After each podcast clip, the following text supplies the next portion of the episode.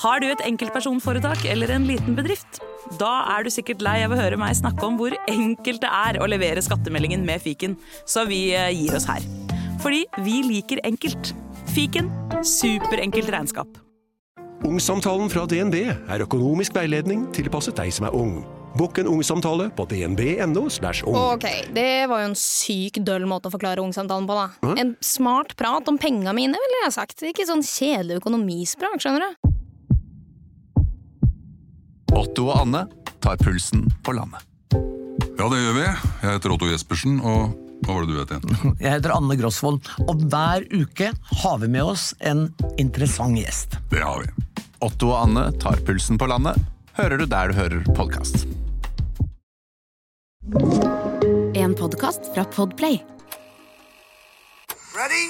You have the cameras rolling? He was hosting boozy parties in Downing Street. But when the president does it, that means that it is not illegal. I have a dream. We will win this election and we will change the country together. But these caucuses are your personal chance to score the ultimate victory over all of the liars, cheaters, thugs, perverts, frauds, crooks, freaks, creeps, and other quite nice people. Velkommen! Mitt navn er Eirik Bergesen, og dette er vårt nokså uhøytidelige, veldig personlige forsøk på å gå bak ukas nyheter, lete etter sammenhenger, si noe om fremtiden, på jakt etter det store bildet, slik vi ser det hver fredag. Eh, og nå, folkens, eh, har jeg fått en eh, vikar for Sofie, som ikke bare skal være med i dag, men som skal være en fast vikar for Sofie en tid fremover. Eh, Og da er dere sikkert litt spente på å høre hvem det er. Eh, Så eh, velkommen skal du være, Jette Christensen. Tusen hjertelig takk, Erik. Det er en glede å få lov å være ringevikar for Sofie. Takk for at jeg får lov å være her. Du, det er jo ikke uten grunn at, at jeg tenkte på deg, fordi det er jo ingen av oss, eller ingen i dette landet, som tenker kan så mye om eh, folkerett og, og krigsforbrytelser osv. som Sofie, og det skulle man selvfølgelig trengt i disse tider. Eh, men eh, du kan veldig mye eh, annet, både med bakgrunn fra politikken, men også altså, jobbet med demokrati eh, på ulike måter. Um, og, og i dette året, som jo er, det skal vi komme tilbake til, det store valgåret i, i verden hvor eh, halve verdens befolkning skal eh, til valg, og vi skal snakke mye om det fremover. Men eh, kan ikke du fortelle litt da med dine egne ord eh, om, om din egen bakgrunn, Jette? Det kan jeg godt. Så jeg, dialekten min er fra Egersund. Der kommer jeg ifra. Og så reiste jeg til Bergen for å studere sammenlignende politikk. Så jeg kommer fra Egersund, ble voksen i Bergen, eh, og det er der jeg har bodd lengst i mitt liv. Eh, og nå bor jeg her i Oslo. Jeg eh, studerte sammenlignende politikk under Frank Aarebrot. Det gjorde kanskje du òg? Det gjorde jeg òg, noen år før deg. Ja. Men ja, for en tid, for en studie, for en by, og så videre. Absolutt. For en mann, Ja, for en mann. Ja. Eh, og det jeg, det jeg kan noe om, da, er demokrati sett opp mot sikkerhet.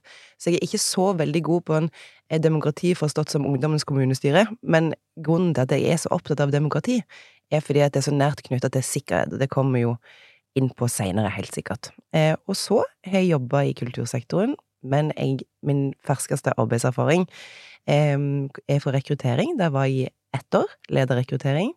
Eh, Så da lærte jeg en del om ledelse, hvordan man ikke skal lede, hvordan man kan lykkes, og omstilling videre. Veldig interessant og gøy å komme på innsiden av norsk næringsliv og se hvor ansvarlige og hvor langt framme de egentlig er. Så det var veldig kjekt. Eh, Og imellom der så var jeg elleve år på Stortinget. Jeg satt eh, syv år i kontroll- og konstitusjonskomiteen. Der var mitt ansvar spesielt Justisdepartementet og Grunnloven. Og så av de store sakene som var der, var det jo at norsk våpen plutselig havna i Nigeria. Eh, Bergen Engines-saken var en av de siste sakene jeg behandla da jeg satt i utenriks- og forsvarskomiteen, som jeg gjorde etterpå. Eh, så hele eh, mitt voksenliv har jeg egentlig jobba med demokrati og sikkerhet på ulike måter, og det får jeg lov til å gjøre nå også. Så nå bruker jeg faget mitt til å både holde foredrag om dette, skrive om dette. Jeg skriver europaanalyser i Alltinget.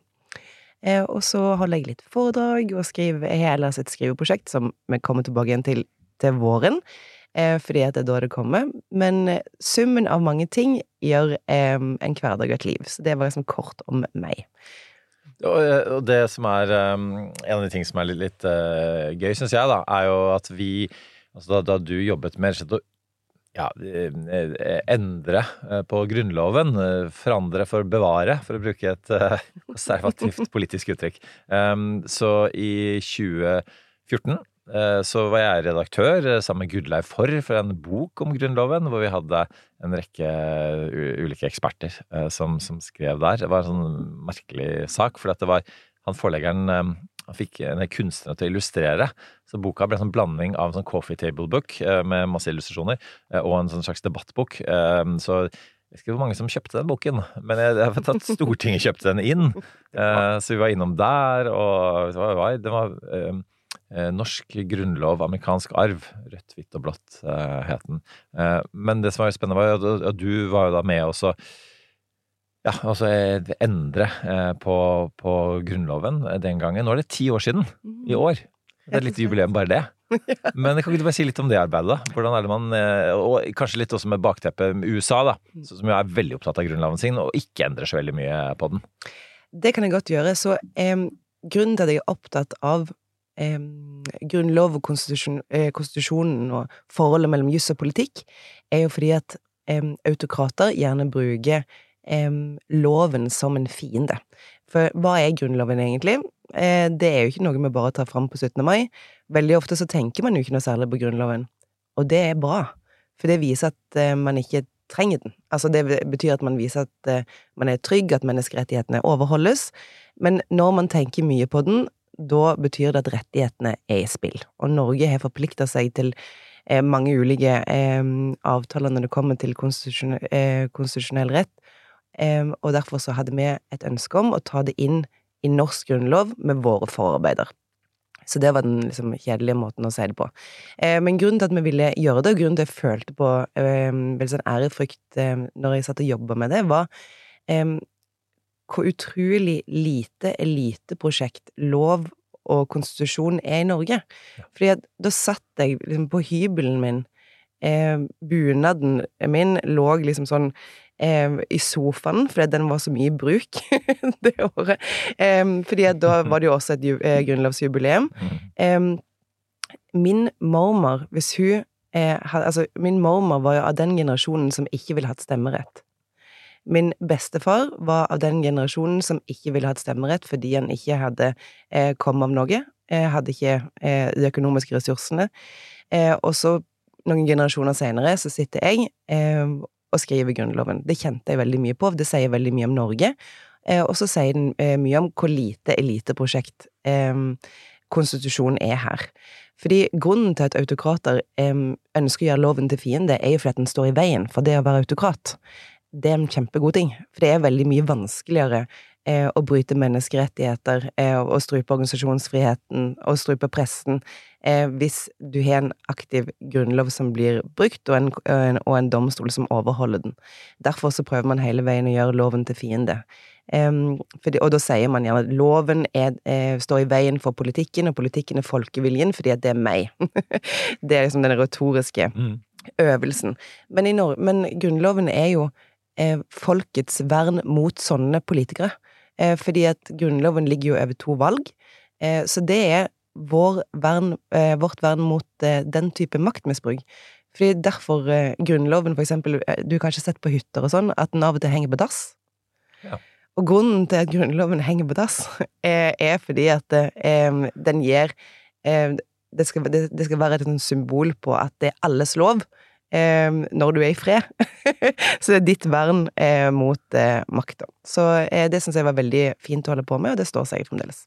Og i gamle dager, før man hadde smarttelefoner, som man satt og leste eller sitter og leser mens man er på dass, så kanskje satt man kanskje og leste Grunnloven. Eller, eller fisktyper, eller hovedsteder, og lærte seg de tingene.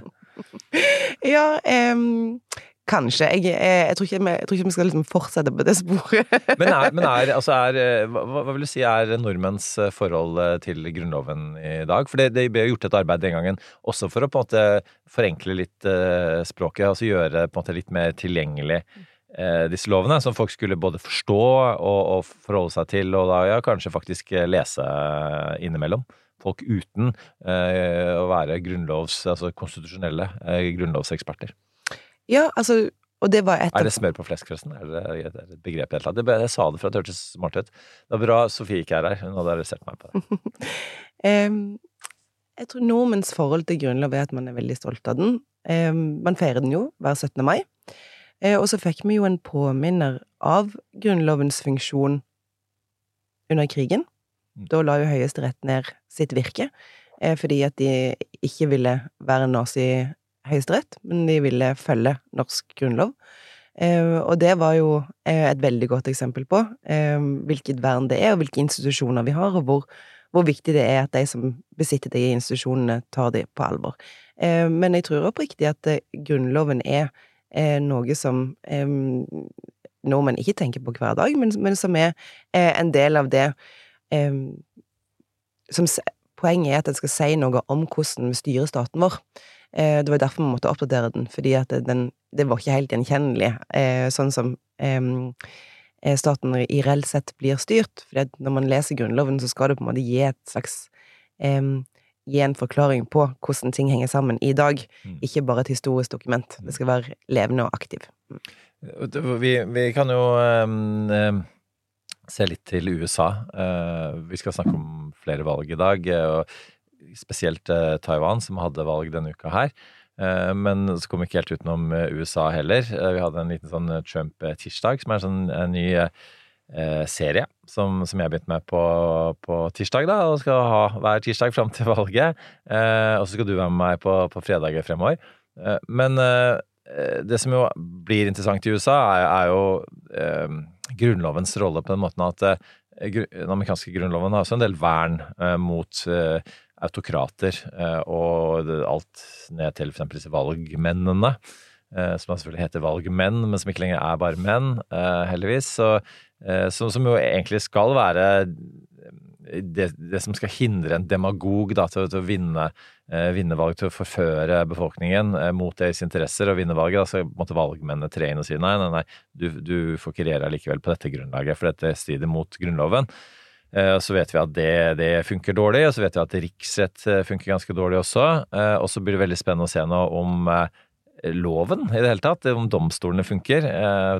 Trump står jo foran fire rettssaker nå i vår, og to av de handler om det å overstyre valget, altså stjele valget, rett og slett. Og hvis ikke de funker, da må man begynne å lure. Men så kan det være at, at disse spørsmålene til slutt havner i Høyesterett. Og så og så er det jo sånn at både høyesterettsdommere, og for alle dommere, og, og, ikke minst kongressrepresentanter, har jo ikke sverget eh, lojalitet til eh, sitt parti, eller til, til eh, presidenten, eller til Trump, men til Grunnloven. og det er jo det som blir den store testen, er jo på at om, om de faktisk da følger Grunnlovens ord og Freud tolkninger, eller om de på en måte lar seg utsette for politisk press. Og det er jo det som er det skumle i ethvert eh, demokrati, når på en måte politikken trumfer eh, jussen. Et samspill er det jo der, men det skal jo ikke, skal ikke være rene politiske tolkninger av loven. Det er helt eh, riktig. Eh, og siden USA skal være en eh, tradisjonelt sett har vært et, et, sted man ser etter for å finne ut av hvordan man organiserer et demokrati, så er jo det spesielt spennende nå. Eh, fordi at når Kongressen ble storma, så var det jo ikke bare institusjonene i USA som ble storma, det var jo et symbol. Eh, da hørte man jo latterbrøl fra eh, Minsk til Beijing, fordi at da eh, kunne aspirerende og etablerte autokrater peke på USA og si ja vel, dere vil ha demokrati, hvordan syns du det ser ut? Der driver jo eh, folk og stormer kongresser og holder på, er det ikke mye bedre at jeg eh, som diktator her holder, mm. holder, ro og orden, i det minste? Eh, og så er det jo det som vil skje i USA nå, jo, der kan man jo på en måte også måle har Trumps eh, retorikk fungert? Fordi forholdet mellom juss og politikk er jo sånn at tillit er jo ikke for eksempel et gjenstand for jussen.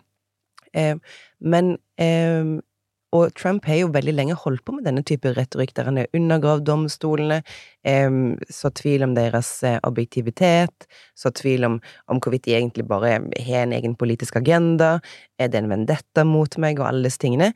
Og dette her har jo han holdt på med i årevis. Og det betyr jo at det er Og hvis presidenten i landet ditt forteller deg at domstolen er korrupt, at domstolen har en politisk agenda, så kan det jo være at du ender opp med å tro på det. Så det betyr jo at hva, dette her er jo også et mål på hva har verdi? Eh, har en domverdi? Har overholdelsen av de rettighetene som alle sammen ble enige om på en måte før, før Trump kom? Eller amerikanerne ble enige om før Trump kom? Er det sånn at de betyr noe? Eller betyr hans, har hans retorikk fått feste seg så mye eh, at det rett og slett bare går an å føye vekk? Fordi at i et samfunn som Norge, da, der man har høy tillit til institusjonene, der betyr jo sånne dommer noe på ekte. Eh, og derfor er det vanskelig for oss å forstå at hvis det står i avisen at, domstol, at eh, en aspirerende president er, er tatt inn for, eh, for domstolen, så, så, betyr jo det noe for oss. Da ønsker jo ikke mer å, å stole på han, men, eh, men, i USA er det blitt annerledes, eh, fordi at Trump har lykkes med denne historiefortellingen. Og det, hvis man tar det enda lengre, så kan grunnen til at den type retorikk har gjenklang eh, i et samfunn som USA, og ikke ville fått det i Norge, er fordi at vi er gratis utdannelse. Ja. Fordi at i Norge så kan hvem som helst eh, ende opp med, eh, en, eh, med juridikum, og hvem som helst kan ende opp med å bli dommer. Og eh, hvem som helst kan ende opp med å bli statsviter, sånn som meg, eh, fordi eh, vi har gratis utdannelse, vi har Lånekassen. Men sånn er det ikke i USA. Der er det et helt annet utdanningssystem, der økonomi er knytta veldig mye nærmere til hvordan du ender opp seinere. Eh, så ja, hva som skjer, hvordan velgerne i USA forholder seg til det faktum at Trump er tatt på retten, blir ikke bare et mål på tilliten til han, men mål på hvem det er som har mest makt i USA. Mm. Og det, det, det, er jo Altså, én ting er alle disse eh, primærvalgene, og forrige tirsdag da, så, så snakket vi jo eh, mye om, om, om tallene og, og, hva de betyr osv. Eh, men, men som eh, enkelte av lytterne våre også eh, påpekte, så, så, er det jo et sånt bakteppe her som er jo egentlig store demokalypsen i USA. Hvor, hvor, som du sier, USA er jo et land som man har tradisjonelt sett til eh, når det gjelder demokratiet. Vi så til USA da vi lagde vår grunnlov, som er jo den nest eldste nåværende eh, etter USA. Eh, og, og, og på de måten de liberale demokratiske ideene er for så vidt også nedskrevet i, i den amerikanske grunnloven, er jo preger resten av verden. Og så er det jo måten man tolker det på. Og du brukte ordet kan og, og, om disse trumpske ideene, men, men det, vi ser jo på meningsmålingene at, at, dette har jo faktisk da slått ut i full blomst, og det er jo altså nå et klart flertall. Det er det som skremmer meg aller, aller, aller mest da, med amerikanske valgene, er et klart flertall av republikanske velgere. Eh, de tror at valget ble stjålet eh, eh, fra Trump, og at Biden dermed ikke er den legitime presidenten. Et klart flertall tror at det domstolene holder på med, er, er, eh, politiske prosesser og, og heksejakter osv. Man kan bruke ulike eh, adjektiver om, om det, men, og metaforer osv., men, men at det rett og slett er politisk styrt. da. Ehm, eh, og dermed ikke legitimt. At, at media ikke bare er litt for kritiske, men at de er en samfunnsfiende. Det er klart, altså, og, så Trump har jo på egentlig ganske kort tid, da, for han har ikke vært så lenge i politikken, klart å, å bryte ned tilstrekkelig mange demokratiske institusjoner til at det er strengt tatt ingenting media, domstoler eh, osv. Eh, byråkrati kan si og gjøre som har troverdighet da, i, i flertallet av hans eh, velgere. Og så er jeg tenker sånn, den ene positive tingen da, etter, etter Iowa,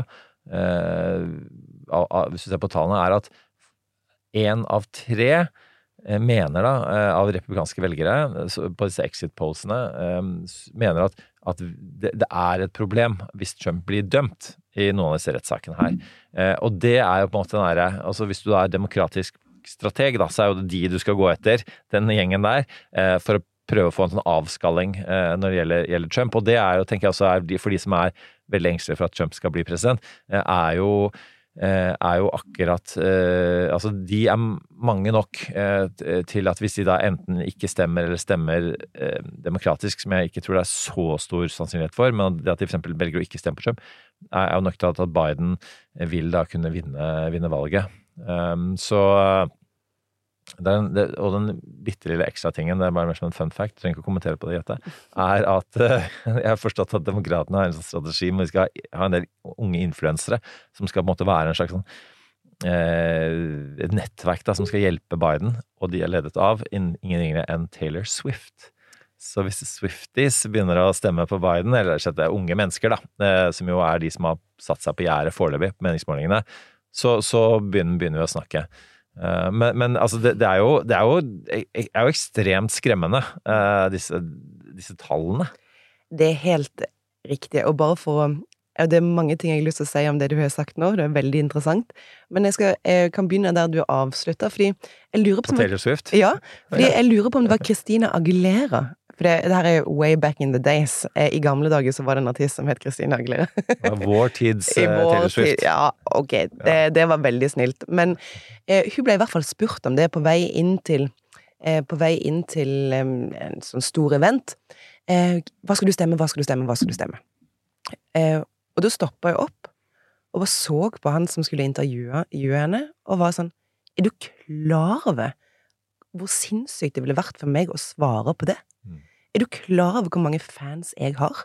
Er du klar over hvor mange som uavhengig av hva jeg sier nå, og uavhengig av min begrunnelse, vil stemme på den personen jeg sier bare fordi jeg sier det? Det her er farlig, liksom. Jeg går. Ja. Og det, eh, det husker jeg så, og, eh, og det var sånn Jøss, her har du en maktanalyse som er utrolig sterk. Og så har jo årene gått, og, og man har fått flere plattformer og, og sånn, men det er jo åpenbart nå blitt et strategisk grep, som du sier. Det visste jeg ikke, så det var jo veldig interessant. Um, og for å gå tilbake igjen til det du nevnte, så er det jo sånn at Biden, når han ble president, så var han jo også president for alle de som ikke stemte på han. Mm.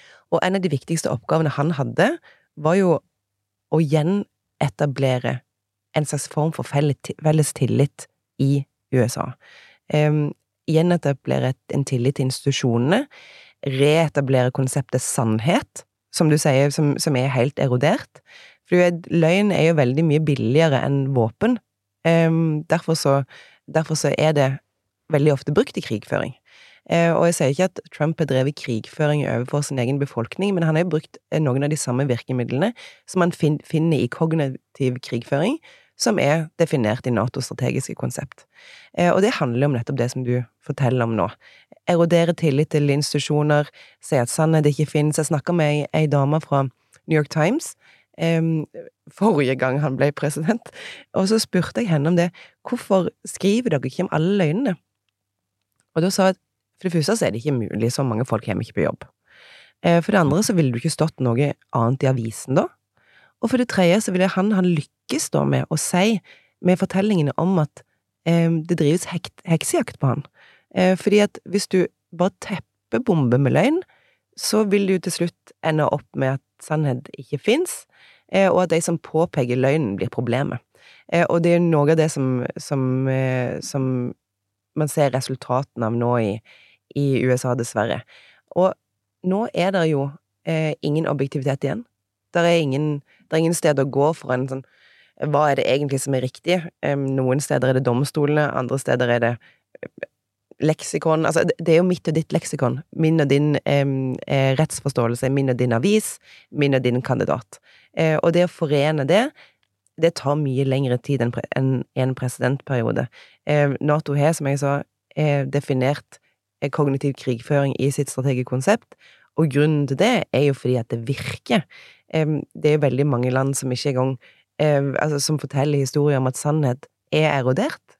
Eh, men også har man virkemidler for å eh, forhindre det, man har virkemidler for å eh, prøve, prøve å veie opp mot det, men man har til dags dato ingen virkemidler til å få ketsjupen tilbake igjen på flaska, til å reetablere sannhet når den er vekke.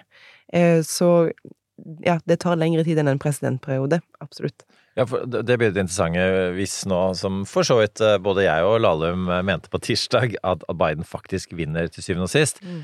Når, når måtte du stå der ved, ved valgurnen og skal putte settelen ned og tenke sånn Skal jeg stemme på en, en, en dømt, eh, eller i verste fall, beste fall, tiltalt skurk, eller skal jeg stemme på en ganske gammel mann? Så Mm. tror jeg at, de, at mange nok vil stemme på den, den litt eldre mannen. da.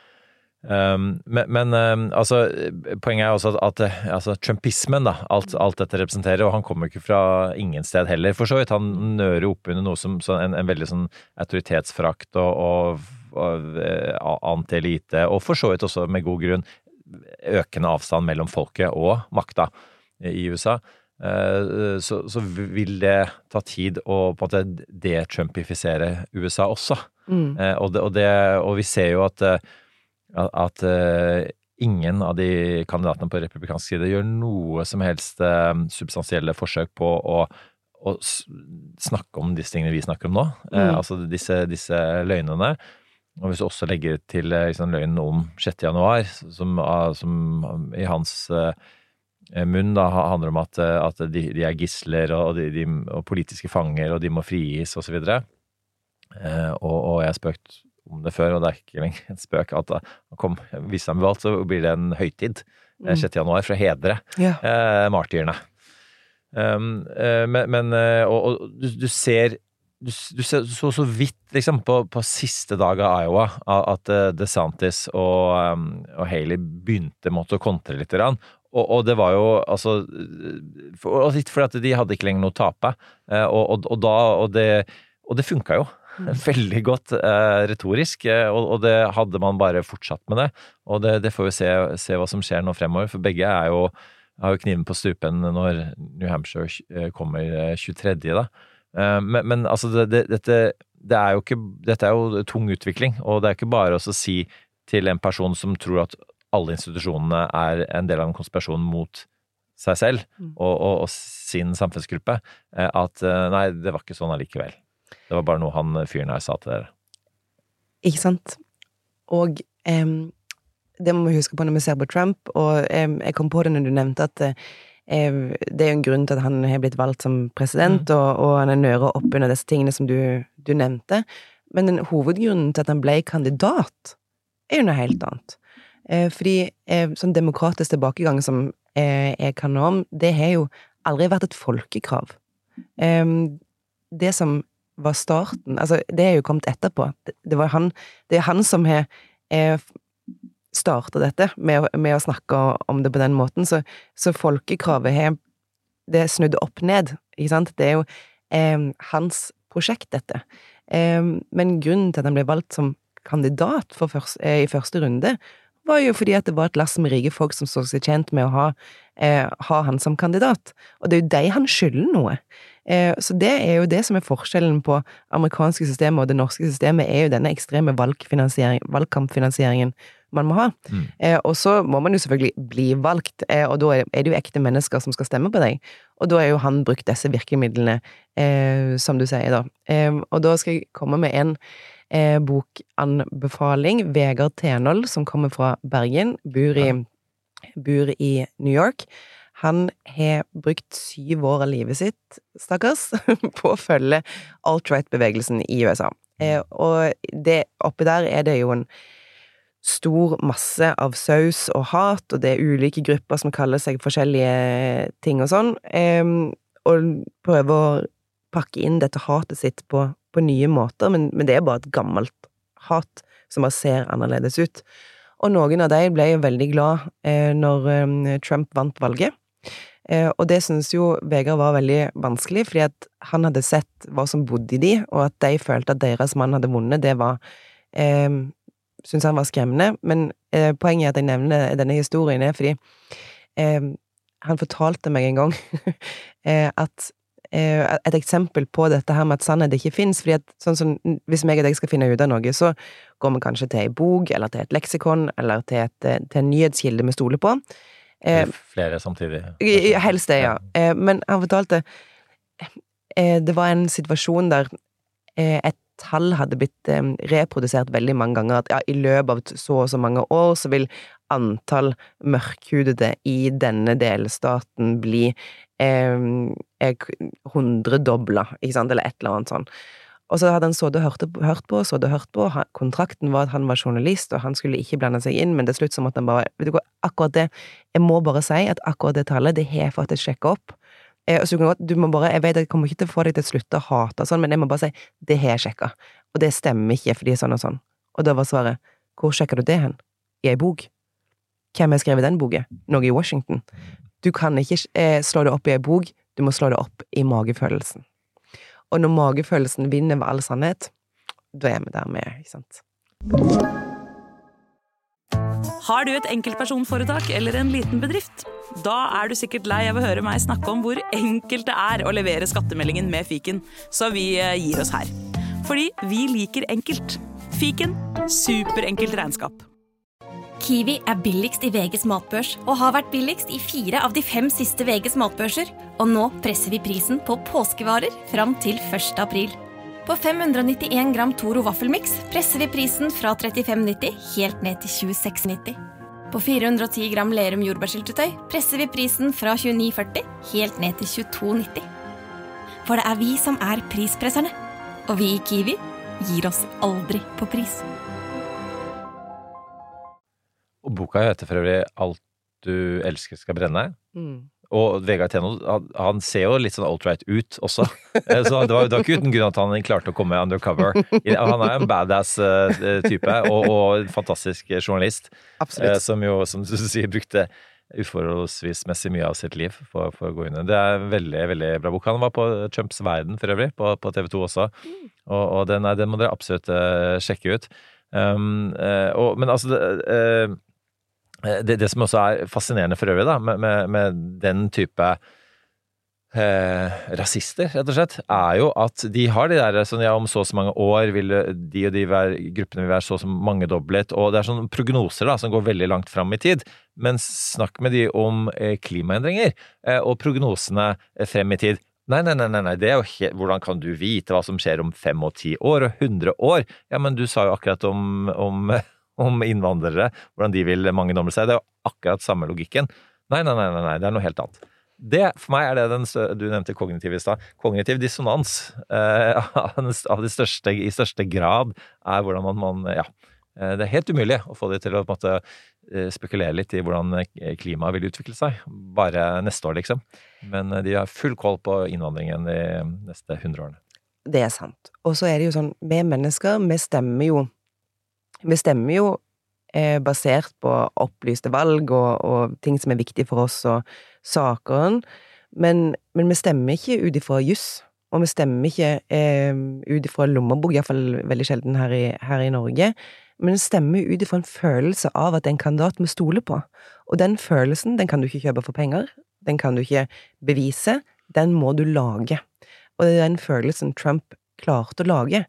Jeg eh, var så heldig, eh, skråstrek eh, et eller annet annet, eh, at jeg eh, satt eh, til bords med en av hans valgkampstrateger eh, for noen år siden.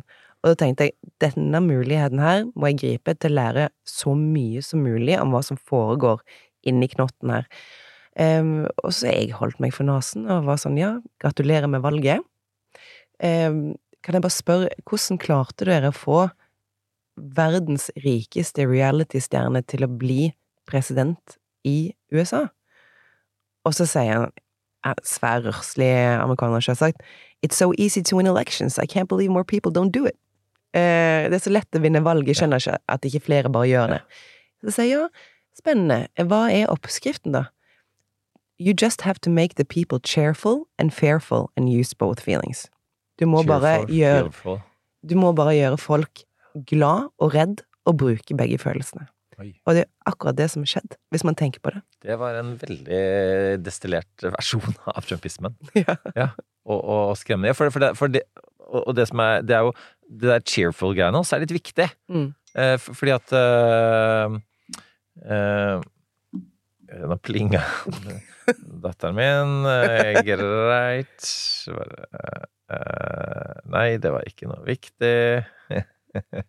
Eh, det, altså, det, det er jo at jeg etter 105 episoder Klipper du vekk dette, eller? enda ikke har klart å skru av eh, lyd på lydløs. Uh, um, ikke du på din første episode, Jette. Eh, skal vi se Eh, Hvor var vi? Nei, det husker ikke jeg. Jeg lurer da bare skravla gå.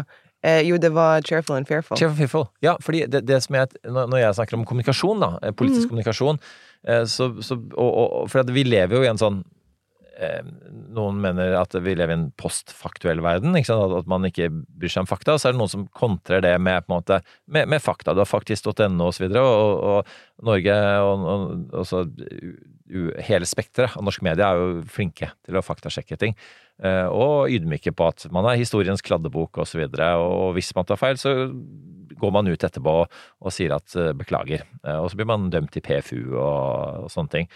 Men, men, men så er det, er det annerledes i, i USA. Men, men det er noe med sånn herre Fakta er ikke nok eh, i politikk, eh, fordi det er også følelser. Eh, og, og, og, jeg, når jeg går i en valgbod Du, du har jo en bakgrunn i Arbeiderpartiet. Jeg skal ikke avkreve om, om du fortsatt eh, stemmer Arbeiderpartiet, men prøver jeg Nei. Eh, det, det, og vi skal ikke gå dit, men, men eh, eh, Altså, jeg vet ikke alltid helt hva jeg skal stemme. For å si sånn, når jeg går inn i valgboden her, og det kan være sånn en, en følelse man sitter med. Og, og jeg leste en kronikk i dag, hva var den igjen? Den var jo litt troverdig, eller ikke troverdig, osv. Eh, og sånn tror jeg det er for mange, uansett hvor eh, godt utdannet man er. Eh, fordi følelsene er, er viktige. Så, så, så sier jeg da til, til, til folk altså Vi tenker at Trump er bare fearful, eh, eh, men så er den cheerful-biten Det er bare å se på disse massemønstringene hans, ikke sant, og, og, og hvor glade folk er. Eh, og han sier eh, om det er ulovlig innvandring, vi bygger en mur. Eh, is, is, islamsk terrorisme, innreiseforbud mot muslimer. Det er fordi er det positive, løsningsorientert politikk. Skulle ønske alle andre kunne gjøre den type ting. Og, og Make America Great Again. Det er en positivitet i det. Det er, det er jo bare sånn vi er uenige da, i disse standpunktene. Så, man kommer ikke utenom cheerful. Man kan ikke bare spre, spre hatt. Nei, Det, det er tror jeg mange glemmer når man uh, tolker politikk. Ja, det er helt uh, riktig. Fordi du må Det ene ting er jo Det er veldig få som stemmer på partier som, som er der bare for å uh, veie opp for noe negativt. Eh, man stemmer fordi at man eh, ønsker å være med på et prosjekt for framtida, noe man tror på. At framtida skal være et hyggelig sted å være, et bedre sted å være enn der man er i dag. Og det er det jo veldig mange av den neste generasjonen som ikke føler på. Eh, som er bekymra for at eh, for at livet deres skal bli verre enn foreldrene deres. Og det er veldig sånn historisk brudd, da. Eh, altså, etter, etter muren falt, så var det ikke spørsmål om om hvorvidt det skulle bli bra, det handler bare om hvor fort det skulle gå. Eh, og det at verden har snudd på en femøring, at antall demokratier er på lik linje med 1994, det er jo som om eh, muren aldri er falt, det var ikke vi, og når jeg sier vi, da mener jeg liksom den liberale verdensorden, ikke forberedt på. Eh, og da er vi tilbake igjen til det jeg er monomant opptatt av, demokratispørsmålet, fordi hva er demokrati? Jo, det er et sett med internasjonale spilleregler hviler jo på det. Det er derfor det er så viktig for oss å ha flest mulig demokratier rundt omkring i verden. Ikke fordi at det handler om ungdommens kommunestyre, eh, men fordi at det handler om handel. Det handler om penger. Eh, og det handler om sikkerhet. Og det handler om menneskerettigheter. Og de reglene der er internasjonale. Eh, og det er derfor menneskerettigheter og regler for handel er to sider av samme sak. Og det er derfor norsk næringsliv, for eksempel, er så sårbart utsatt nå, fordi de bevegelsene som skjer i verden eh, av den demokratiske tilbakegangen, skjer så fort, eh, og næringslivet er så avhengig av at alle følger spillereglene som vi har blitt enige om på forhånd, fordi vi mennesker og, og penger har én ting til felles, faktisk, og det er at vi, vi vokser best når det er en tillit der, og når en forutsigbarhet der. Em, da tar man å ta risiko, da tør man å satse, da tør man å investere. Eh, og det er jo derfor at disse valgene, det vi skal komme tilbake igjen til det, eh, har store effekter for norsk næringsliv, som liksom ikke har så veldig mange påvirkningsmuligheter eh, som bare må sitte og være en slags observatør til en samfunnsutvikling. Det var en lang usving. Men, men eh, tilbake igjen til det jeg eh, begynte på, så er det jo det at når vi går og stemmer, så av, er det en del faktorer som liksom avhenger av. Står det noe på spill? Er det klare alternativer mellom partiene? Og er det noen her, for kontrakten er jo veldig klar, iallfall i Norge, du gir omtrent halvparten av lommeboka di til noen, og da er kontrakten at du tenker at den personen eller det partiet jeg gjør det til, den forvalter den på en best mulig måte, så blir det så noenlunde greie forutsetninger for de fleste, så går det en buss av og til, og så blir det måkt, og så har vi noe trygg styring her. Det er det som er kontrakten. Og det er jo den følelsen der man må prøve å etablere, da. Men framtiden skal jo også være et gøy sted å være. Eh, og det at politikk eh, må ha en faktor av håp i seg, Mm. eh, det er veldig viktig, tror jeg. Og, og det er jo på en måte det, Obama var flink til òg, å komme med en fortelling, i tillegg til alle disse faktaene, som, som handla om håp og change og we're the ones we've been waiting for, videre. Det var ikke Hans retorikk var ikke nødvendigvis veldig mye mer eh, faktabasert enn enn, eh, trumpsk, eh, men at eh, men, eh, og det var ikke helt unaturlig at Trump tok den type eh, bruk av følelser og bare snudde det eh, til sitt formål, ulikt eh, andre tidligere republikanske eh, politikere. Kan jeg bare skyte inn på Mm. akkurat det, fordi eh, det er interessant. Vi husker alle sammen hva det var Obama sa, og hva som var hans slagord og sånn. Jeg husker ingenting av hva Hillary sa, eh, annet enn 'stem på meg, for jeg er ikke han andre'. Ja. Og, og, og når, jeg, når, jeg, når jeg holdt på i 2016 og, og snakket eh, til, til grupper om kommunikasjon, og så spurte, tok jeg alt sånn herre Hånda opp de som heier på Hillary, alle opp, hånda opp de som heier på Trump, ingen. Så spurte jeg ok, hva, hva er det ved Hillary dere liker, da? Hva er det hun har sagt som har inspirert dere? Ingen kom på en eneste ting. Så spurte jeg hva med Stronger Together, da? Eh, nei, ingen hadde hørt om det. Altså, det er valgkampslagordet hennes. Eh, men alle har selvfølgelig hørt om Make America Great Again. og ti andre ting eh, Trump har sagt. Så, så da ble vi alltid enige om at Trump er en veldig effektiv kommunikator. Da. Eh, Og det er han jo åpenbart. Og, og, og igjen, Arbeiderpartiet altså, Jeg så en sånn dokumentar om Håkon Lie, som vel fortsatt ligger på NRK. og Da så du eh, Martin Tranmæl-tale. Og det var, det var noe trumpsk over hans korte, enkle, gjentagende setninger. Eh, Og det er, ikke, det er ikke der man er i dag i, i Det kongelige norske Arbeiderpartiet. Jeg skal ikke be om en reaksjon på det heller.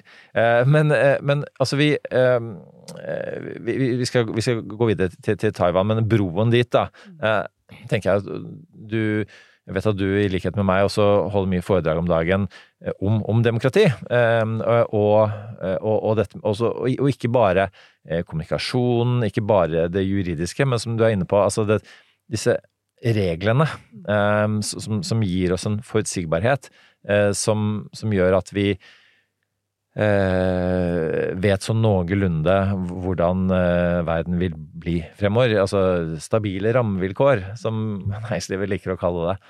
Og, og det er og, og der er mange med god grunn engstelige, for du har USA, en av de store valgene i år, eh, EU er en, eh, vi har eh, Taiwan hadde vi nå, hele relasjonen til, til Kina, og man er veldig Og så har det vært eh, det har vært en forutsigbarhet ved, ved de store demokratiene, og det har vært en forutsigbarhet ved, ved en del av de store diktaturene også, eh, som, som man har mista f.eks. med eh, Russlands invasjon av Ukraina, og, og den økte spenningen mellom Kina og Taiwan. Eh, og, og, disse, også, og, det er klart at hvis hvis for eksempel, da, eh, og dette er brona til, til Taiwan, hvis, hvis Kina hadde invadert eh, Taiwan, så hadde, og dette var det eh, Kina og USA-ekspert, begge deler faktisk, en fin kombinasjon i disse dager. Øystein Tunsjø sa på Dagsrevyen her eh, forleden at da, da er norske oljefondet halvert på kort tid. Eh, Så klart at, at det sier bare litt om hvor enorme implikasjoner det har, har for norsk økonomi.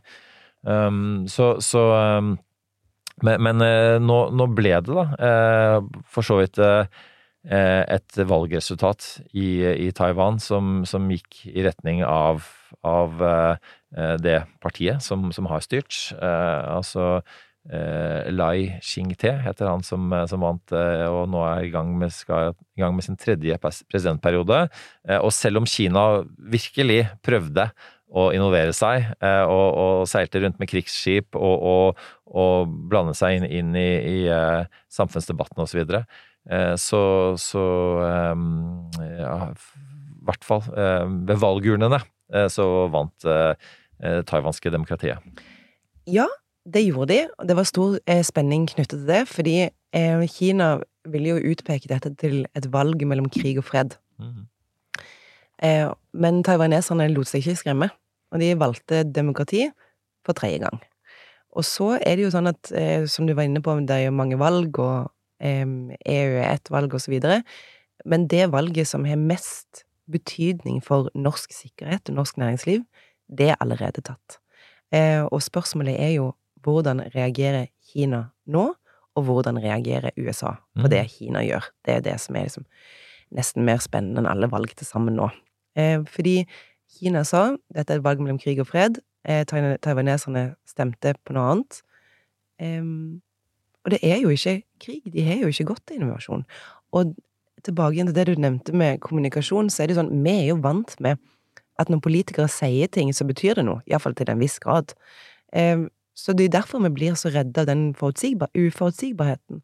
Det er derfor eh, det utsagnet til Donald Trump om Nato, for eksempel, fra 2020, eh, om at Nato dør og sånn, skaper så stor usikkerhet. Mm. Eh, fordi vi er vant med at ord betyr noe, og så er det jo sånn at utenrikspolitikk i USA i veldig stor grad er innenrikspolitikk. Dette er en del av hans interne valgkamp. Eh, og så hadde jo du eh, besøk av eh, den norske ambassadøren til USA, som sa det har jo gått greit, og, og det er jo, som flere har vært inne på, var jo flere amerikanske soldater på europeisk jord etter han var ferdig, enn før han begynte. Men det er jo klart, den amerikanske støtten til europeisk sikkerhet, den er avgjørende. Eh, USA er vår viktigste alliert. Så hvis, eh, hvis USA ikke ønsker å ta del i eh, Nato-samarbeidet lenger, så er jo det ekstremt alvorlig. Men dette har en jo sagt før, uten å trekke USA ut. Og fremdeles fortsette å stille opp. Men det er klart, krig koster penger. Og hvis det er sånn at man skal holde at USA fakt, Altså, hvis Kina gjør en offensiv, militæroffensiv overfor Taiwan, og hvis USA eh, deltar, altså svarer på den eh, med eh, mennesker og, og våpen, så det er jo klart at det er jo grenser for også hvor mange Hvor mye val krigsvaluta USA også har. Og det å velge Og hvis man må stå overfor et valg og, og, og delta enten der eller i Europa, så ser det jo ikke så veldig lyst ut nå. Og der er jo der er en krig på vårt kontinent som er helt avhengig av at vi alle sammen støtter eh, Ikke støtter opp om, men, men støtter Ukraina. Eh, men hvis man bare, som kommunikasjonsekspert som du da er, eh, så er det jo sånn at hvis man hører på det Trump sa da, hva var det han egentlig sa i det Nato-utsagnet sitt? Jo, han sa vi er ikke interessert i å være med i et fellesskap som ikke behandler oss ordentlig. Og hva er det egentlig det betyr? Hva er det han egentlig sier hvis man eh, leser det med snill skrift? Det han egentlig sier, er at hvorfor skal vi betale mest når de som trenger det mest, ikke stiller opp sjøl? Det han egentlig sier, er jo at, det, han at det er en klar forventning at de europeiske landene stiller opp økonomisk når det er deres sikkerhet og deres kontinent det handler om. Og det er jo en helt legitim påstand. Selvfølgelig, eh, når vi først er med i et samarbeid, selvfølgelig må man betale, og det har det inne hos flere europeiske land, også Norge. Eh, og for å sitere generalsekretæren i Nato, eh, så er det jo sånn at det er klart at 2% av en stor kake er mye mer enn 2% av en liten kake. Så argumentasjonen har som vært at vi har vært for rike til å bidra. Så sånn sett så skal jeg ikke dette her er ikke jeg som gir Trump et poeng, men det er jeg som forstår hva Trump sier. ja. Eh, og, og det, det sa jo for så vidt eh, forgjengeren hans også, Mm. eh, som president, men, men han sa det kanskje på en kraftfull måte, sånn at han og, og Jens sammen sørget for at, at Europa betalte eh, mer, da. Eh, men eh, jeg så en lederartikkel i, i The Economist denne uka som egentlig oppsummerte litt sånn ja, markedene, da, eh, sin, sin eh, uro når det gjelder Trump. Eh, fordi, og, den er liksom blandet, fordi at hvis da Trump på en måte gjør det, som han for så vidt også sagt, da, dette er jo hele tiden spørsmålet hva, hva er det han sier og hva er det han faktisk gjør, da. Um, men at, at han da avslutter krigen i, i Ukraina på 24 timer, så vil jo det etter all sannsynlighet være en type seier for, eh, for Putin. Eh, og hva vil det føre til? Jo, det vil jo faktisk føre til at eh, energiforsyningene bedres, og, og, og USA og for øvrig resten av verden vil, vil, tjene på det økonomisk. Og hvis han f.eks.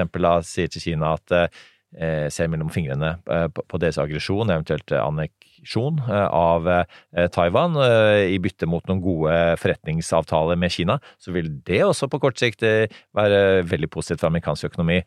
Så, så ved på en måte også Um, overprøve demokratiet, så vil han sikre økonomien.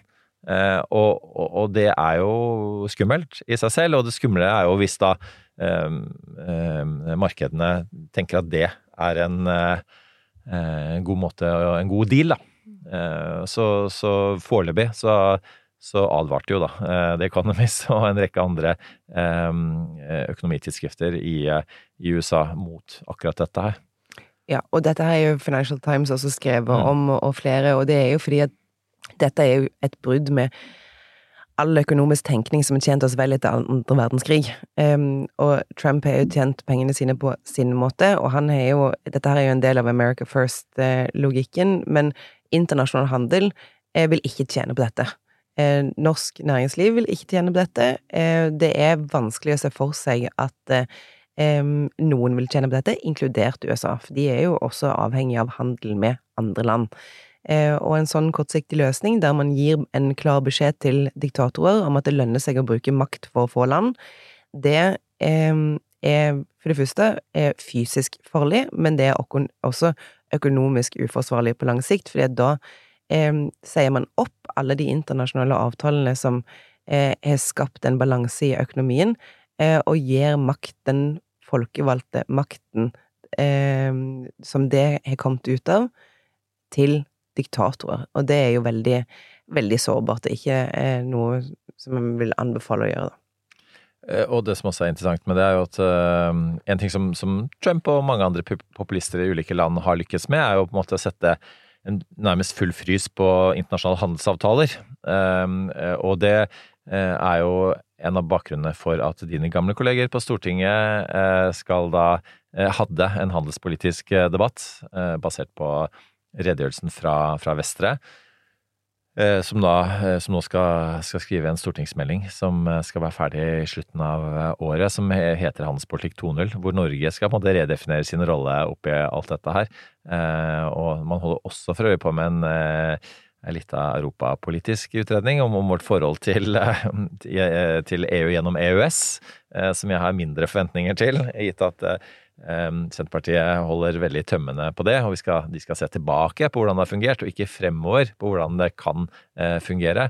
Men spesielt det med handelspolitikken blir veldig interessant fremover. Eh, for det er klart at det Og nå, nå er det for øvrig også um, World Economic Forum i Davos, mm. uh, og ut ifra mediebeskrivelsen så er, jo det internasjonale business veldig urolig i disse dager, på, for dette kommer jo rett etter Eh, Trumps knockout i Iowa, eh, med tanken på en, på en Trump 2-0, eh, og hva det, hva det, vil innebære. Og, og, der har jo han sagt ting som straffetoll på, på 10% av alle varer fra utlandet, og 60 fra, fra Kina for øvrig. Så, sånn at det er og, og, hvis det skal skje, så, så, så sier jo økonomer som Paul Krugman i New York Times at det, det vil jo føre til at ikke bare at internasjonal handel vil bli enormt redusert, men også at det vil gå veldig utover amerikansk eh, handel. Og så, er det jo i tillegg til at det er to kriger det er, i verden, men det er nytt siden Trump 1-0. Eh, men så er det også stor inflasjon. Så hvis han da kutter i skatter, da, som han, han uh, gjorde sist, så vil jo det øke inflasjonen. Og da må, da, da, må um, altså da må amerikanske myndigheter da øke renta. Eh, og det vil jo heller ikke Trump. Og da hvis han går inn og sier at det får dere ikke lov til å gjøre, som en del typisk latinamerikanske autokrater har, har gjort gjennom tidene, eh, så vil jo det og, og, det er jo ikke lov i USA i utgangspunktet, for der det, skal det være vanntette skott mellom de som regulerer eh, rentene eh, og, og, politikken, men det vil jo han utgangspunktet ikke bry seg om. Han vil sette inn sine folk der. Og da har du også en helt annen situasjon. altså En ting er på en måte blandingen, sammenblandingen med domstolene, men også sammenblandingen med, med, med nasjonale pengemyndigheter. Absolutt. Og hvis man ser på eh, hvordan skal norsk næringsliv forholde seg til alt dette? Eh, fordi 98% av selskapene i Norge er ikke Equinor og Telenor og, eh, og, alle disse store selskapene. De aller fleste selskapene i Norge er små og mellomstore bedrifter som lager ting som er til salgs på det internasjonale markedet. Mm. Hva er til salgs, og hva er ikke til salgs? Hva er en forutsigbar handelspartner, hva er ikke det? Eh, og da er vi jo liksom tilbake igjen til denne Bergen Engine-saken, der ja. Næringsdepartementet mente at det var teknologi som var til salgs, men der sikkerhetsloven så at den ikke var det. Eh, og da fikk man jo en, en veldig stor politisk oppvåkning i Norge på at handelskrig er noe som, som berører oss eh, i den dype ufreden vi befinner oss i. Eh, og det Som et selskap i, i Norge, så er det sånn så norsk næringsliv er veldig ansvarlig og, og ønsker å følge lover og regler og, og, gjøre det som er jobben deres, nemlig å skape verdier både for seg sjøl og sine ansatte og for, for samfunnet ellers. Eh, men det er mye vanskeligere nå. Eh, fordi eh, det å få fatt i hva det er som er til salgs og ikke, det er, eh, det er et vanskelig eh, det vanskelig farvann å, å navigere i, og jeg opplever at mange er frustrert, usikre. Eh, hva er retningen, og hva skal jeg gjøre, og, hva skal jeg eh, ikke gjøre i en sånn, sånn type ny sikkerhetspolitisk situasjon. Særlig eh, når man opererer med land som var demokratier for fem minutter siden, og nå har slutta med det. Ja vel, hvordan, skal hvordan, skal vi navigere på dette? Nå har man jo heldigvis eh, gjort noen omrokeringer også eh, i UD, tatt dette her ut, sånn at eh, det er en egen enhet, men allikevel, altså informasjonsbehovet om dette er så vanvittig stort, og evnen til å gi strategisk råd er lav. Fordi eh, det kan jo ikke være sånn at det er et konkurransefortrinn eh, å ikke ta sikkerhetsrisiko. Fordi det er det jo ikke heller. Norsk næringsliv ønsker jo å gjøre det. Men det at vi snakker om ikke bare en politisk, i, en politisk situasjon i, i, uro, men også en handelspolitisk situasjon i dyp ufred, gjør jo at denne verden som vi snakker om at ting kommer til å forandre seg, det er annerledes her og nå. Eh, og det å navigere det er veldig vanskelig. Mm. Og, og, og, den eh, Vi kan også bare slenge på at eh, Norge har jo en veldig omfattende handel med USA. Mm. Eh, og den har jo eh, bare økt oljefondet en tredjedel av sine verdier i amerikansk økonomi. Det øker eh, norsk altså rentesetting, olje- og gasspris, inflasjon, kronekurs Alt dette her henger jo nøye sammen med det som skjer i USA. og det ble sagt en gang at når USA snufser, blir vi forkjølet i Norge. Eh, og, og, det er jo, er jo, veldig sant. Og det er på en måte den, den uforutsigbarheten da, som både eh, Som jo er Trumps metode, det vet vi. Det var sånn han eh, drev som businessmann. Eh, og, eh, og, du skal ikke helt, helt vite sant, om det er et forhandlingsutspill eller hva det er for noe. Eh, og det skaper uro både i økonomien og ikke minst i sikkerhetspolitikken, som, som, du er inne på. Absolutt. Og du nevnte jo en rekke ting som er satt i verk fra norske myndigheters side, deriblant den EØS-utredningen. Eh, den er, er meldt til å komme 1. april. Mm. jeg, vet, jeg, vet, ikke om det er et frampek, men det blir iallfall spennende å se hva som står der. Det hadde eh, eh, Ja, men er, er, du, er, du, spent på hva som står der? Ja. Eh, så Norge forholder seg jo til Europa hver eneste dag. Vi diskuterer det veldig lite. Eh, og det har det vært tidligere, har jeg hvilt meg på eh, en begrunnelse for det som er delt. Eh, grunnen til at norsk tilknytning til Europa ikke blir diskutert. fordi én ting er EU-spørsmålet, ja eller nei, det er mindre viktig. Det som er viktig, er å diskutere hva betyr vårt, måten vi forvalter vårt forhold til Europa sånn som det er? Mm. Hva betyr det for norsk næringsliv, og, og, hva det betyr det for Norge? Det diskuterer vi ikke i det hele tatt. Og grunnen til det er jo fordi at alt blir overskygga av forholdet mot EU. Da er jo oppfølgingsspørsmålet forholdet mot hva da? Hvilken avtale da? Eh, men en av grunnene til det tidligere har vært eh, partienes bekymring for uro internt, fordi at man mener forskjellige ting om, om EU og tilknytning internt. Det syns jeg er veldig rart, fordi politikk har jo aldri blitt utvikla i eh, ro. Politikk blir jo utforma med at man snakker sammen og diskuterer, og du har 60% rett, og så har jeg 30 rett, og så kommer det inn en annen som deler vårt verdigrunnlag, og så finner vi ut av det sammen. Eh, og så krangler vi kanskje, men det er jo ikke farlig. Eh, så det som har vært én begrunnelse, og en annen begrunnelse er jo at partiene har vært uenige seg imellom, kanskje i regjeringskonstellasjoner, men man har jo regjert sammen og ment ulike ting om dette eh, tidligere også, så jeg mener at det er ikke så en verdifull begrunnelse for å ikke diskutere det. Men, men så har det vært en tredje årsak som, jeg, eh, som ikke gjelder lenger. Eh, så må jeg finne en ny, og det, og det har vært at det har vært en bekymring om å begynne å åpne diskusjonen om EØS-avtalen fordi den avtalen er så god. Eh, eh den har tjent norsk næringsliv eh, og bunnlinja i Norge og vår felles eh, pensjonskasse ekstremt godt. nå i 30 år. Eh, så jeg har liksom trodd at grunnen til at man ikke diskuterer det, er for at man er redd, at, redd for å gjøre EU oppmerksom på hvor god den avtalen egentlig er. Men nå har vi altså satt ned et utvalg som skal se på eh, hvordan EØS-avtalen har fungert for Norge. Og hvis vi ser på tallene, så har den jo fungert godt, hvis vi tenker på handel. Men det jeg håper den utredningen diskuterer litt, er jo eh, nettopp det at man ikke diskuterer det, nettopp det at det, Eh, kommer veldig mange eh, reguleringer og lover fra EU inn til Norge som vi eh, tar inn veldig fort, uten å ha en åpen debatt om det. Det mener jeg er synd. Det er en ting som jeg håper blir diskutert. Og en annen ting som jeg håper blir diskutert, er hvordan man bruker handlingsrommet. I hvor stor grad bruker man det? Jeg mener handlingsrommet kanskje kunne blitt brukt mer aktivt, men uansett, 1. april blir en, en, en merkedag, og det blir, det blir, spennende. Og du vet, det er jo ikke bare det er jo ikke bare EØS-avtalen som er 30 år i år. Eh, jeg lærte forrige helg at eh, også den flotte eh, sangen Duett med Bettan og Jan Werner er også 30 år i år. Mm. Um, og det, jeg hadde egentlig tenkt at det var en bro mellom EØS-avtalen og låten Duett. Ja, det den lytter jeg veldig etter nå. Den skal jeg finne eh, i løpet av episoden. ja. I så fall tror jeg Norge har ikke engang andrestemmen. Fjerdestemmen eh, til, eh, til et stort eh, hylende EU-kor. En, eh, en av tekstlinjene er jo 'Våg å gi'. Slipp våren løs. Ja. vi, skal, vi, skal, snakke mer om, om EU-valget, eh, mm. fordi det er ikke så altfor mange andre som kommer til å gjøre.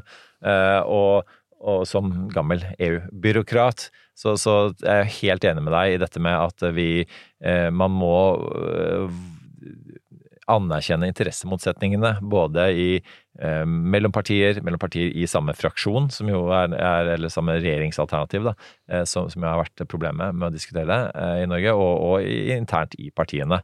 Eh, og det er bare å både for å se på makta og lese makt og mannefall, eh, for å ønske seg tilbake egentlig til en tid hvor man var man, man, man turte å være mer åpent uenig, eh, for eksempel i Norges største eh, daværende største parti, og, og, og det er og det ville man ha vært tjent med i, i EU-saken. Um, så, um, så jeg, jeg, har ikke så enorme forventninger til den uh, utredningen. Jeg føler at den er liksom lagd litt for at man ikke skal skape så mye oppstyr. Og så syns jeg det på en måte også si at man, uh, altså, at man At man er redde for at en sånn sak skal polarisere, da, er litt rart. Gitt at uh, Sverige og Finland hadde sine Nato-diskusjoner uten å være altfor redde for det. Um, fordi at man skjønte at man var nødt til å ta den diskusjonen, og man var nødt til å gjøre noe. Og så ble det noe at man gikk inn i, i Nato. Eh, og så, så jeg ikke, har ingen illusjoner om at en EU, eller en europadiskusjon i Norge vil føre at Norge går inn i EU, men, men man, det vil iallfall føre til at vi hadde en europadiskusjon. Det er helt riktig. Og hvis eh, Jeg syns det der med polarisering er ganske interessant, fordi eh, som du sier, så er det flere har kommet med begrunnelsen at man kan ikke ha en EU-debatt fordi at det ville polarisere, det er jo en fallitterklæring. For hvis problemet er polarisering, så er det jo det man må rydde opp i. Eh, og det går jo fint an å bestemme seg for at en diskusjon om Norges tilknytning til Europa skal være en oppvisning i hvordan en politisk uenighet kan forvaltes, eh, med at den kan være opplysende, gøy å høre på, det går an å lære noe av den. Altså, hvis man ser på den EU-debatten som var NRK-sendt eh, i 1994. Jeg lurer på om den kanskje varte i to eller tre timer. Eh, det var NM i beskylde hverandre for løgn. Ingen lærte noen ting, ingen forsto noen ting, og ingen eh, ombestemte seg, iallfall. Eh, så det går fint an å, å diskutere politiske saker man er uenig i, på en respektfull måte. Jeg iallfall les om det i en bok at det går an.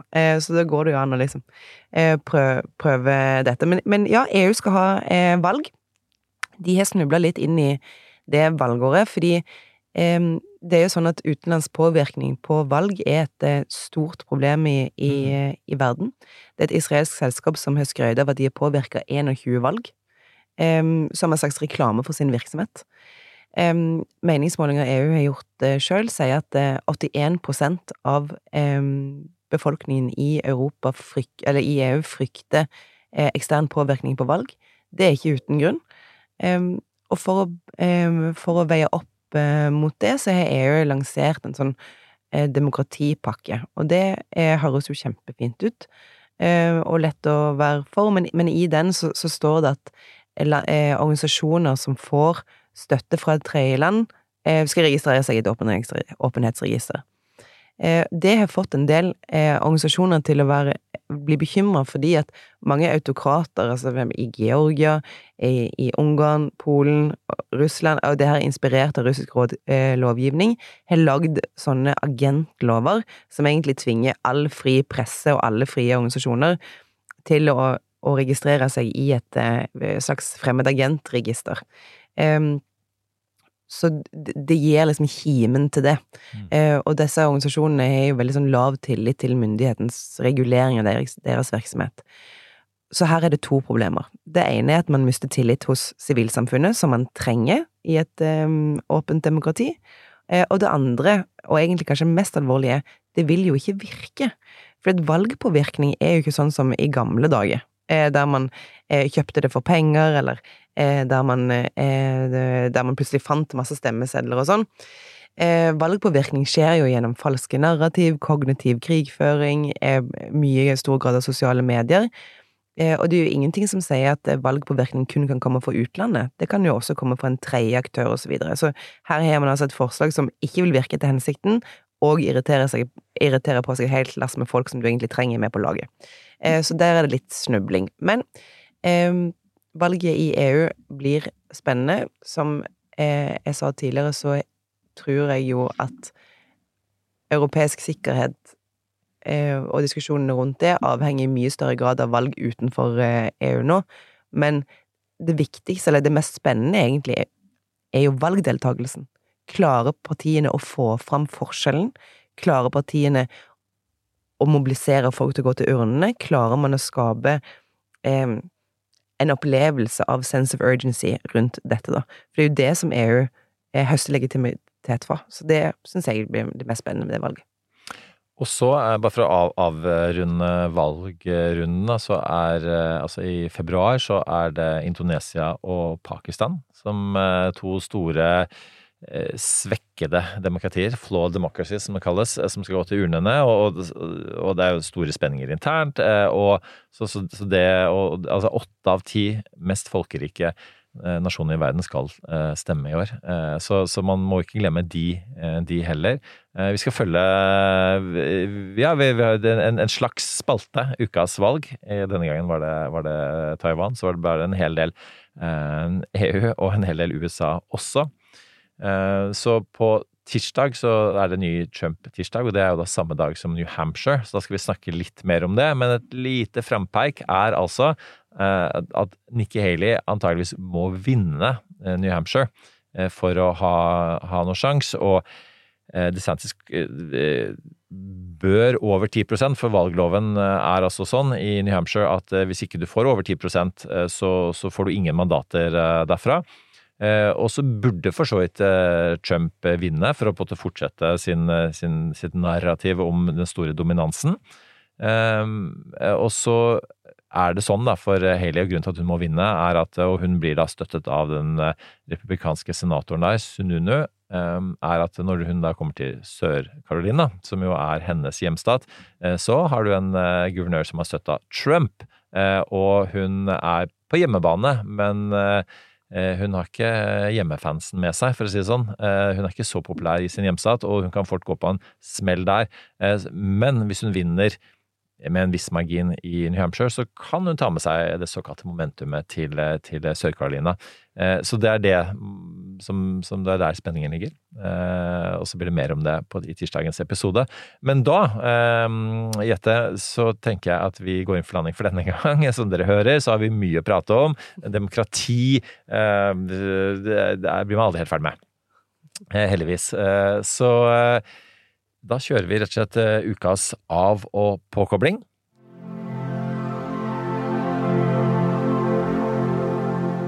Så da, Jette, er jeg veldig spent på, på, hva du har latt deg eh, koble av og på med i uka som har gått. Jo, altså, jeg begynner med av eh, første. Jeg har jo blitt 40. Jeg er inne i mitt 40. år, eh, og med det så kommer det en del nye vaner. Ja. Eh, blant annet så har jeg gjenoppfunnet konseptet tur. Eh, visste du at det, man føler seg veldig mye bedre etter man har gått en tur. Det vet jeg.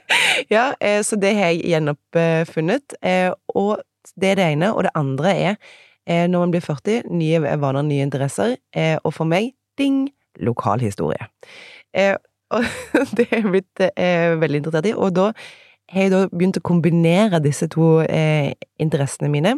Med å gå rundt byen og se for meg hvordan ting så ut, og hvordan Oslo var eh, før, og når man blir eldre, så blir jo også før eh, føles ikke så lenge siden. Eh, sånn at eh, en eh, bok jeg har lest eh, som har hjulpet meg på veien disse turene, er Lotta Elstad sin Siana, Siania 1. Mm. Hun har skrevet om Kristiania rundt 1920, som jo er en utrolig interessant tid i denne byen vår, så det har jeg kost meg mye med. sammen med den podkasten som Nasjonalbiblioteket har, som heter det eh, Gamle greier. Eh, og egentlig eh, så skulle jeg ønske at jeg kunne få sånne 3D-briller, der jeg bare kunne skru på hvilken, år, hvilken liksom, tidsalder jeg ønsker å se byen i. For eksempel 1920, så man går ned rundt eh, Vaterland og da bare kan skru på 1920 og se hvordan verden og Oslo så ut da. Det er på ønskelista. Så hvis det er noen oppfinnere der ute så eh, please, oppfinn eh, det. Jeg blir deres første kunde. Men nå, du må ikke gi fra deg sånn copyright-rettigheter på dette. Eh, altså, dette er jo en kjempegod idé. Ja, ok, men ja. da går jeg bare nå, jeg. Eh, fordi, at, fordi at nå eh, skal jeg gå og bli oppfinner, rett og slett. Ja, ja men du, vet du hva. Eh, dette må du åpenbart gjøre med noen markedskrefter og, og teknologiske krefter, da. Ja. men, men og vet du hva, du ikke bare kan du altså, Men tenk, tenk, på i fremtiden, da. Du kan skru inn innstillingen på hvordan eh, Oslo og verden kommer til å se ut om fem år. Framover? Fremover. Ja, men da er vi tilbake igjen til hvem skal lage den? Eh. jo, men altså, det, jeg tror det er et marked for det også. Ja, absolutt et marked for det, men hvem er det som kan spå inn i framtiden? Og da er jeg litt tilbake igjen til han i Vegard Tenal-boka. Ja, demokratieksperter er ref deg og meg. ja, ja. Vi kan gjøre det. Så ja, igjen, eh, oppfinneren mener ikke jeg snakker meg inn i din idé her. Men hvis du tar deg fortiden, så tar jeg meg fremtiden, da. Kjempe, det er en bra arbeidsfordeling. Uh, ja, joint venture. um, uh, og, men for øvrig, altså, jeg er jo blitt mann 50, mm. så, så, og det med lokalhistorie historie. Da, da har du hoppa et eh, tiår for øvrig. Uh, det har jeg, jeg knapt begynt å tenke på. Men, men gå tur eh, med Når du passerer 50, så kommer du til å gå tur eh, med eh, henda på ryggen og, og plystre. Eh, og snakke til deg selv, f.eks. om lokal historie. Nei, har du sett Oi, var det, var det sånn det det er blitt nå, dette kvartalet, ja. Eh, jeg husker før. Da var det en smed som holdt til på dette hjørnet. Men eh, jeg er midt Mitt år har begynt med Kasta meg over noen bøker som jeg har hatt lyst til å lese en stund, fordi det fikk man jo anledning til å gjøre i jul- og nyttårstiden. Og da er det en, en rom roman, eller det er jo faktisk en, er jo en slags eh, selvbiografi. Eh, og så er det en eh, politisk bok. Og den romanen, det er Åsa Lindeborg sin som heter Meg eier ingen. Og hun er jo da, som sikkert mange kjenner fra svensken, norsken, svensken og dansken, hun er da svensken, og har vært kulturredaktør, nå er hun vel kommentator, i Svenska Dagbladet. Og, og det, er, altså, det er en bok om sitt forhold til faren sin. Eh, som, som, var eh, en, da, en eh, helt det, var, det, er så mye kjærlighet i den boka. Det er utrolig vakkert om Men også om da på en måte Det er en far som da ikke strakk til. Han var veldig, veldig arbeider. Han var jobba på smelteverket. og han Men slet med sine indre demoner, og det hadde en del utslag blant annet i mye alkohol, da. Og tok dårlig vare på seg selv og, og dessverre på datteren sin sånn når det gjaldt måte å kle henne og pusse tenner og sånn, men, men, det var veldig mye kjærlighet der. Så hun skriver da veldig sånn eh, vakkert om, om uh, faren sin, og egentlig om det folkhemmets da ikke så velordnede skyggeside. Og, og den, den, var så bra at jeg lurer på om det er noen bøker som kommer til å slå den fremover. Den er, den er noen, noen, år gammel, altså den er i hvert fall ti år gammel, men den, for alle som er glad i å høre podkasten eh, til, til, Hilde Sandvik eh, og Åsa Lindeborg. Eh, den, den, anbefaler jeg virkelig. Og så er det en, en, politikkbok som heter Us versus Them. The Failure of Globalism. Så det er jo egentlig mye av det vi har snakket om nå. Ian Bremner, som jo er en av lederne i dette Eurasia Group, som, som kommer med sånne årlige spådommer, frøy, om hvordan verden kommer til å gå.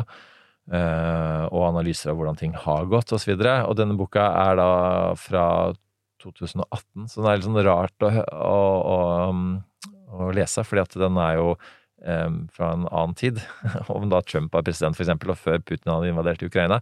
Men veldig mange av analysene hans holder virkelig, og, og det handler jo om, først og fremst om at det, eh, globaliseringen, um, ja, som vi snakka om i stad eh, at eh, eh, svakhetene ved den har gjort at vi har slutta å lage handelsavtaler. Uh, og det er synd, fordi at den, den har gjort at, at um, verden samlet sett har fått bedre råd, mer velstand, bedre levestandard, uh, mindre sykdommer, bedre helse osv. Men den har også gjort at uh, de rike har fått mer, og de fattige har fått mindre. Og de enorme forskjellene da, i ressurser, som jo har skapt uroligheter som har gjort at populister har vunnet frem, for de har stilt gode diagnoser på disse tingene her, selv om de har dårlige eh, svar på hvordan det skal løses. Eh, så, så, i et, eh, det store valgåret 2024 så er det en bok som er vel verdt å lese. Han går gjennom sånn land for land. Um, og ja, Indonesia og Pakistan nevnte jeg med valg. De er blant de landene han går gjennom. Eh, og, og, veldig, veldig interessant. Og en viktig påminnelse om at eh, hvis demokratiet og, og de, de, som liker globalisering eh, blant demokratene, ønsker å fortsette med det, så må de faktisk selge sine ideer og sine løsninger. Og disse fortellingene som vi snakket om i stad, de må nå ut til folk. Folk må føle at, at dette er noe som de tjener på. Mm. Um, og ikke at de blir bare satt til side og knapt kommunisert til når det gjelder disse tingene her. Viktig påminnelse. Da er det bare å glede seg til Taylor Swift skal lage sangen om hvordan norsk næringsliv tjener på eh, økonomisk stabilitet og demokrati ute. Ja. Lene oss tilbake og ta helg. og for øvrig, når du først er inne på Taylor Swift, eh, bok, eh, altså ikke boka, eh, hun har kanskje ikke skrevet så mye bøker, men eh, låta eh, 'Karma Is My Boyfriend' er faktisk Det var, det, det var en, en, eller annen amerikansk kommentator som sa at, at det er liksom det som at, da plutselig kommer Trump til å spille den låta, for han driter jo om folk om det er godkjent eller ikke, på sine valgkamparrangementer. altså nå er han tilbake. Eh, Karma is my boyfriend. Eh, så det er liksom sånn worst case scenario da, for eh, demokrater og Swifties verden over. Men det, tusen takk for at du var med i dag, Jette. Takk for at Du Du skal få lov til å være med i, i vignetten neste gang, fordi du skal være her hver fredag i en god tid fremover um, som vikar for Sofie, og det gleder jeg meg veldig til. Det var veldig gøy å ha deg i studio. Veldig kjekt å få lov å være og til dere som har lyttet, uh, ha en flott uh, helg og fortreffelig neste uke. Så lyttes vi igjen allerede på tirsdag til Trump-tirsdag. Du har hørt en podkast fra Podplay. En enklere måte å høre podkast på. Last ned appen Podplay, eller se podplay.no. Eh, hvor bilen har stått fast? Uh, nei, det er jo langs en landevei, da. Så det er jo et høyt fjell her, og så er det noen store trær. Og, ja, og så var det ei rød veikro for en stund siden. Hva het nå den, da? Med NAF-appen er du aldri på villspor. Trenger du veihjelp, finner vi deg raskt og enkelt. Last ned NAF-appen i dag. NAF, vel frem. Kiwi er billigst i VGs matbørs og har vært billigst i fire av de fem siste VGs matbørser. Og nå presser vi prisen på påskevarer fram til 1. april. På 240-250 gram assortert Moro potetgull presser vi prisen fra 32,90 helt ned til 24,90.